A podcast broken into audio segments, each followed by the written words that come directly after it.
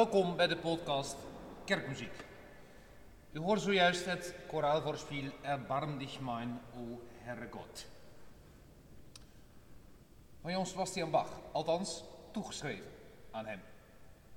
Het maakt niet onderdeel uit van een eh, vast omlijnde hoeveelheid koralen, maar is los overgeleverd. De uitvoeringstraditie wil dat het gespeeld wordt op twee klavieren en pedaal. Een basstem in het pedaal.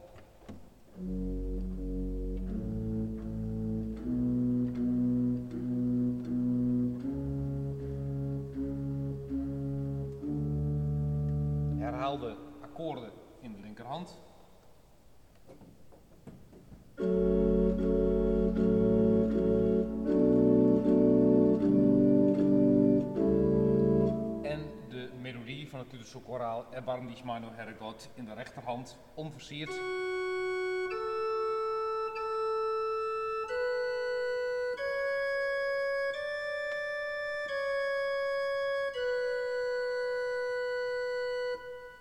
Maar kijken we naar het handschrift, dan zien we dat het overgeleverd is op twee balken. Dus eigenlijk bedoeld is om zonder pedaal te spelen en zonder uitkomende stem. Misschien is het gebruikelijke langzame tempo ook alweer eh, een klein beetje te ver gezocht en gaat het juist om eh, een wat angstig aanroepen. Zou het wat sneller moeten, wat nerveuzer moeten en dus in een meer neutrale kleurstelling krijgen we dit.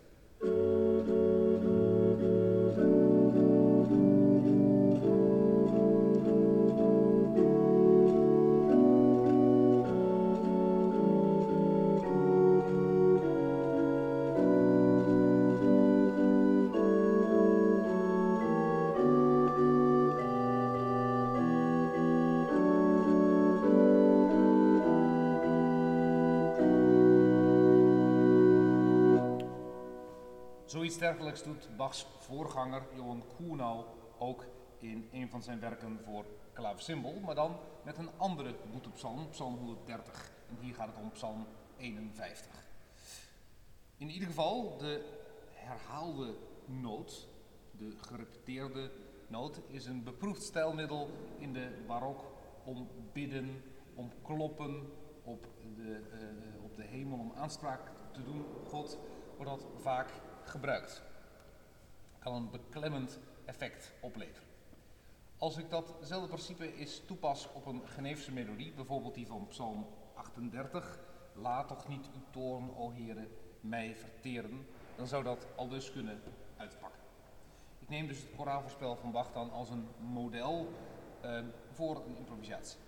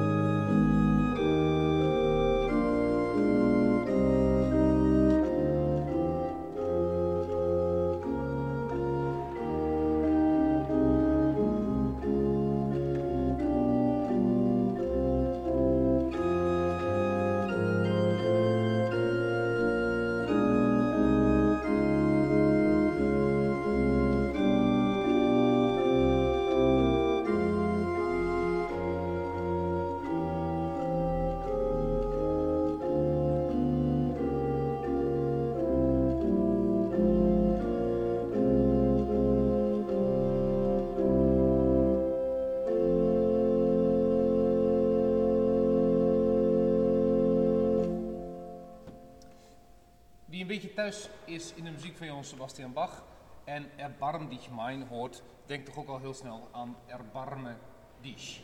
De aria van Petrus uit de Matthäus Passion, waarin hij uh, huilt om het verraad. En vraagt, Erbarme dich mein Gott, um meiner Zehren will, schaue hier, Herz und Auge, weint vor dir bitterlich. En Petrus weende.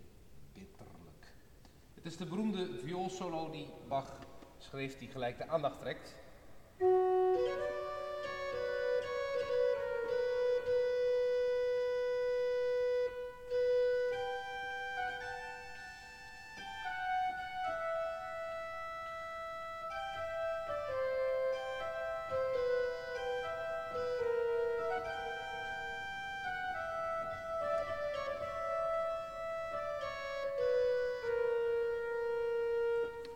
Begeleid door de rest van het strijkorkest met een bijzondere rol voor het continuo, cello contrabas.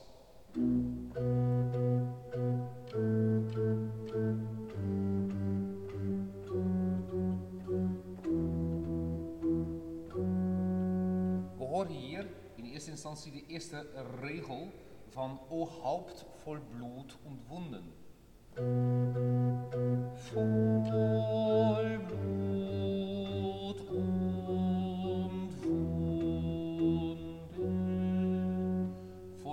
Voll Schmerz und voller Hohn.